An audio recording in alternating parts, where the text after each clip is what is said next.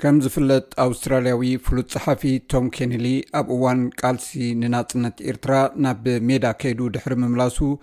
ቱዋርድስ ኣስመራ ትብል መጽሓፍን ካልእን ብዛዕባ ኤርትራ ዝጸሓፈ እዩ ሎሚ ምሳይ ዕላል ትገብር ካልእ ጸሓፊት ፕሮፌሰር ስቴፈን ስቴጋል ድማ ኣብ ክልተ ሽሕን ዕስራን ሓደን ብዛዕባ እቶም ኣብ ሰለስተ ጥቅምቲ ክልተ ሽሕ ዓመተ ምህረት ንፕረዚደንት ኢሳያስ ብዛዕባ እቲ ብምኽንያት ዶብ ኣብ መንጎ ኤርትራን ኢትዮጵያን ዝተገብረ ኲናት ኣተሓሕዝኡን ተሓታትነት ኩሉን ዝብሉን ካልእ ጉዳያት ዝሓዘ ደብዳቤ ጽሒፎም ዘረከቡ ብልሙድ ጉጅለ ዓሰርተ ሰለስተ ወይ ጂ ሰርቲን ተባሂሎም ዝፍለጡ ዓሰርተ ሰለስተ ሰብ ሞያን ምሁራንን ዝምልከት መጽሓፍ ጽሒፋ ኣላ። ገለ ካብቶም ነቲ ደብዳቤ ጽሒፎም ንፕረዚደንት ኢሳያስ ዘቕረቡ፣ ዶክተር በረኸት ተስፋስላሴ፣ ዶክተር መሓመድ ኬር ዑመር፣ ኣቶ ጳውሎስ ተስፋጌርጊስ፣ ፍሉጥ ገጣሚ ርእሶም ሃይለን ካልኦትን ይርከብዎም። ኣርእስቲ ናይታ ዶክተር ስቴጋል ዝጸሓፈታ መጽሓፍ ዘ ኤርትርያን ሌተር ራይተርስ ዲር ሚስተር ፕረዚደንት ዝብል እዩ። ብዛዕባ እታ መጽሓፍን ምስኡ ዝተተሓሓዘ ጉዳያት ተዕሊላትና ኣላ። ናብኡ ከብለኩም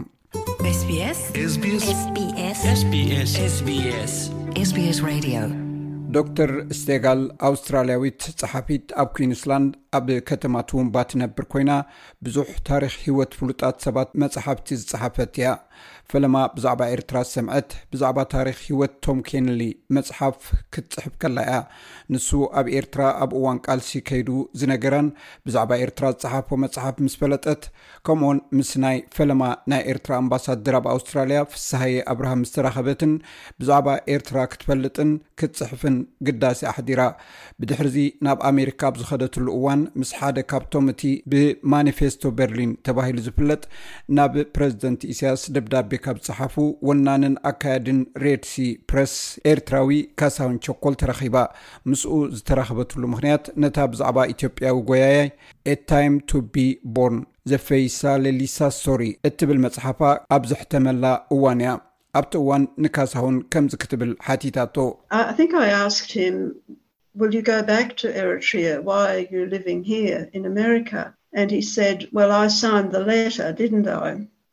ናብ ኤርትራ ክትከይድ ዲኻ ንምንታይ ኣብዚ ኣብ ኣሜሪካ ትነብር ኣለኻ ናብ ኤርትራ ዘይትኸይድ ኢለዮ ንሱ ድማ እዋ ኣነ ኮ ሓደ ካብቶም ነቲ ፕረዚደንት ደብዳቤ ዝፀሓፉ ሰብ እየ ኢሉኒ ብዛዕባ እቲ ጉዳይ ብዙሕ ዝፈልጦ ኣይነበረን ኣብቲ እዋን ብሓፂሩ ብዛዕባ እቲ በርሊን ማኒፌስቶ ኣዕሊሉኒ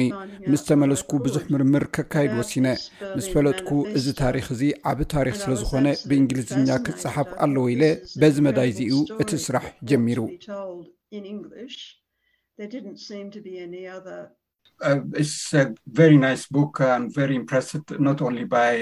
ነቲ መጽሓፍ ምስ ኣንበብኩ ኣዝየ ተገሪመ uh, ንብምሉእ ታሪክ uh, ናይ ኤርትራ ኣብ ሓንቲ መጽሓፍ ምጥራዙ ጥራይ ዘይኮነስ ታሪክ ናይቶም ነቲ ደብዳቤ ዝጸሓፉ 13 ምሁራት ከም ባህርያት ተጠቒምኪ ምጽሓፍኪ እቲ መጽሓፍ ብሉፅን ተነባብን ክኸውን ገይርዎ ኢለ ሓሲበ ከም በዓል ገጣሚ ርእሶም ሃይለ ዝበሉ uh,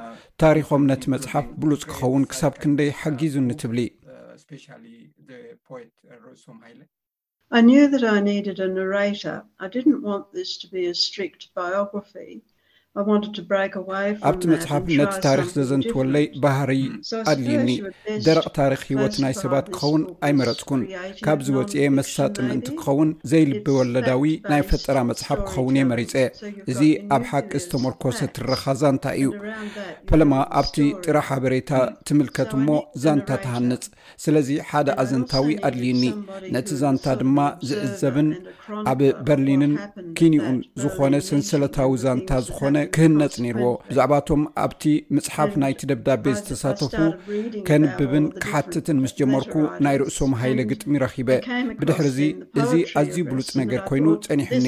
ነታ ኣብ ህይወት ዘላ ሰበይቱ ነቲ ግጥምታቱ ክጥቀመሉ ሓቲተያ፣ ብዛዕባ ውልቃዊ ታሪኹ ክትነግረኒ ድማ ተወኪሰያ። እቲ ግጥምታቱ ነቲ ዛንታ ዘሰኒ ኮይኑ ኣብቲ ዛንታ ከም ዝእለም ገይረዮ። ብካሳሁን ኣቢለ ንዝበዝሑ ተሳተፍቲ ጸሓፍቲ ናይቲ ደብዳቤ ክረኽቦም ክኢለ። ኣብቲ መስርሕ ምጽሓፍት ክሳተፉ ድማ ድሌት ኣሕዲሮም። ብድሕርዚ እቲ መጽሓፍ ብግጥምታት ርእሶምን ውልቃዊ ታሪኽ ናይቶም ጉጅለ ዓሰርተ ሰለስተ ተኣላሊሙ ክወጽእ ክኢሉ።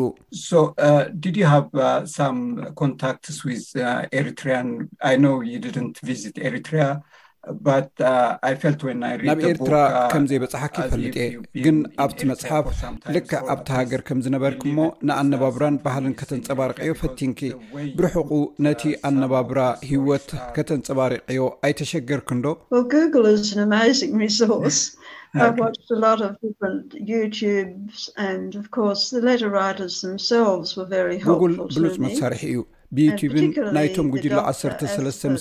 ክርነታት እውን ንዓይ ሓጋዝ እዩ ነይሩ ብፍላይ ዶክተር ኣሰፋው ዝሃበኒ ሓበሬታ ኣዝዩ ኣገዳሲ ነይሩ ኣብ ኢትዮጵያ ምንባረይ ድማ እቲ ናይ ዓዲ ኣነባብራ ንክርዳእ ክፅግመኒ ኣይከኣለን ብዛዕባ እቲ ጉዳይ ብዙሕ ፅሑፋት ምንባበይ እውን እቲ ሃገር ብፍላይ ድማ ኣስመራን ካልእ ቦታታትን ኣብቲ መፅሓፍ ተፃሒፎም ዘለው ከመይ ክኾኑ ከም ዝኽእሉ ክርዳእ ኣፀጋሚ ኣይነበረን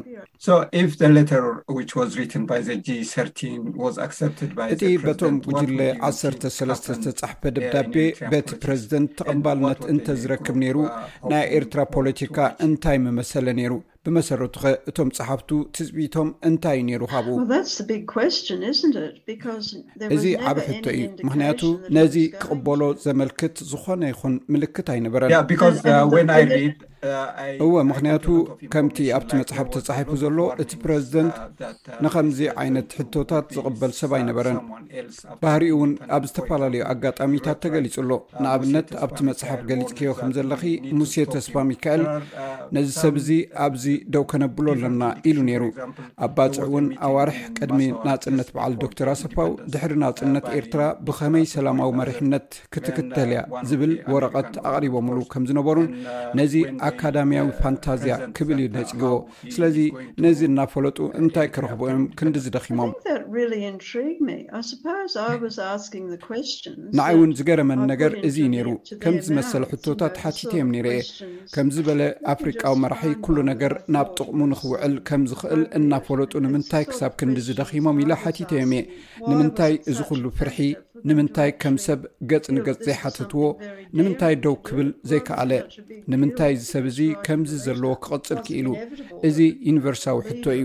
እቲ ሓቂ፣ መብዛሕትኦም እዞም ጕጅለ ብውልቂ እውን ነቲ ፕረዚደንት ይፈልጥዎ እዮም። እዚ ሰብ እዚ ሓደገኛ ኣተሓሳስባ ከም ዘለዎን ንምሉእ ቍጽጽር መሪሕነቱ ዝትንክፎ ከም ዘይጻወር ይፈልጥዎ ነይሮም እዮም። ግና ካብ ምዕራባዊ ኣውስትራልያዊ ኣተሓሳስባ ኮይነ ክዕዘቦ እወታዊ መልሲ ክረክብ ይፅገም ኣብቲ uh, ዳሕረዋይ ገበር ናይ መፅሓፍኪ እዞም ሰባት ነቲ ንናፅነት ዝተገብረ ኩናት ተዓዊቶምሉ ንሰላም ንምንታይ ክዕወትሉ ዘይከኣሉ ኢልካ ሓቲትክለኺ ድሕሪ ብዙሕ ዝረኸብክዮ ሓበሬታ ነዚ ሕቶኺ መልሲ ረኺብክሉ ዶ? እቶም ጉጅለ ዓሰርተ ሰለስተ ካብ ኩሉ ክፋል ሕብረተሰብ ዝተዋፅኡ እዮም ነይሮም። ፅቡቕ ውክልና እዩ። ዳዊት ካብቶም ጉጅለ ዓሰርተ ሰለስተ ማለት እዩ እቲ ዝገበርዎ ብዙሕ ፅልዋ ከም ዘይፈጥር ኣይተጠራጠርን። እንተኾነ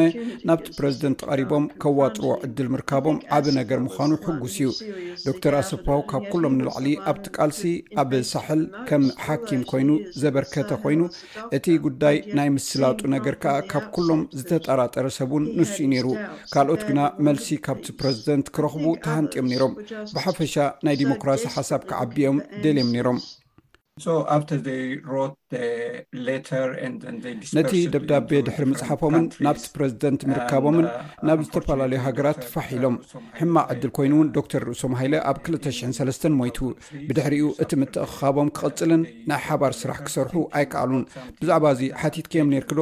እንታይ መልሲ ከለዎም Yes, I think that they had hopes that they would get together again. እወ ከም ዝመስለኒ ዳግማይ ክራኸቡ ተስፋ ነይርዎም እዩ እንተኾነ ብድሕሪኡ ዝሰዓበ ሕማቕ ኩነታት ነይሩ ኣብ ኤርትራ ነፃ ሚድያን ሓሳብካ ናይ ምግላፅ ነፃነትን ተዓፅዩ ከም ዝመስለኒ ብድሕሪ እዚ ተኣኪቦም ገለ ነገር ከፍርዩ ዘለዎም ዕድል ፀቢብ ምዃኑ እዮም ተረዲኦም እንተኾነ በብወገኖም ነቲ ቃልሲ ቀፂሎሞ እዮም ፀቕጢ ኣብ ምፍጣርን ለውጢ ክመፅእን ፅዒሮም ግና ከምቲ ዝድለ ክሰምር ኣይከኣለን እዚ ንርእሱ ንዓይ ዝገርመን ነገር እዩ እቲ ሰብኣይ ሕጂ እውን ኣብ ስልጣን ምህላው እዩ እቲ ዘገርም ንብዙሓት ሰባት እውን ከምኡ ዓይነት ከም ዝስምዖም ርግፀኛ እየ ኣብ መወዳእታ እታ መፅሓፍ ብከምዚ ብሉፅ መልክዕ ተፃሒፋ ምስ ተወደአት ካብቶም ጉጅለ ዓሰርተ ሰለስተ ይኹን ካብ ካልኦት ኣንበብቲ ከመይ ተቐባልነት ረኺባ እቲ ዘሕዝን ካብ ውሑዳት እንተዘይኮይኑ ካብቶም ነቲ ደብዳቤ ዝጸሓፉ ሰባት ግብረ መልሲ ይረኸብኩን ዳዊት ጽቡቕ ገምጋም ጽሒፉ ኣሰፋ እውን ጽቡቕ መልሰ ግብሪ ሂቡኒ እቶም ካልኦት ኣስቂጦም እዮም ንምንታይ ከም ዝኾነ ብዘይርዳእኒ ምክንያት ትም መሪፆም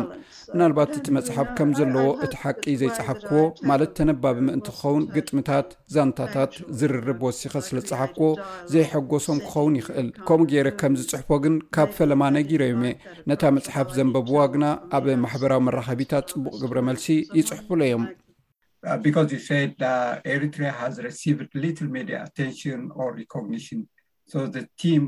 ፅሒፍክዮ ከም ዘለኺ ሓደ ካብቲ ናይቲ መፅሓፍኪ ቴማ ኤርትራ ብዙሕ ናይ ሚድያ ትኩረት ዘይሰሓበት ምዃና ንምፍላጥን እዩ እሞ እዚ መፅሓፍ ድማ ብዙሕ ሓበሬታ ብዛዕባ ኤርትራ ስለ ዘለዎ ሰባት ኣንቢቦም ብዛዕባ ኤርትራ ክፈልጡ ተስፋ ገብር ሕቶታተይ ወዲኤ ኣለኹ ናይ መወዳእታ ትብልዮ ተለኪ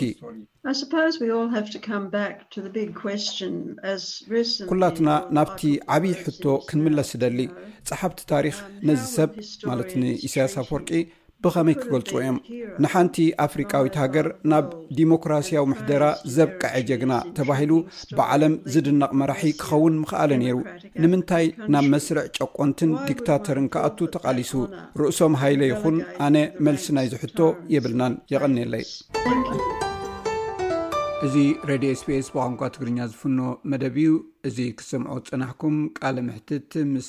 ኣውስትራልያዊት ፀሓፊት ዶክተር ስቴፋኒ ስቴጋል ብዛዕባ ዝፀሓፈታ መፅሓፍ ዘኤርትርያን ሌተር ራይተርስ ዲር ሚስተር ፕረዚደንት ትብል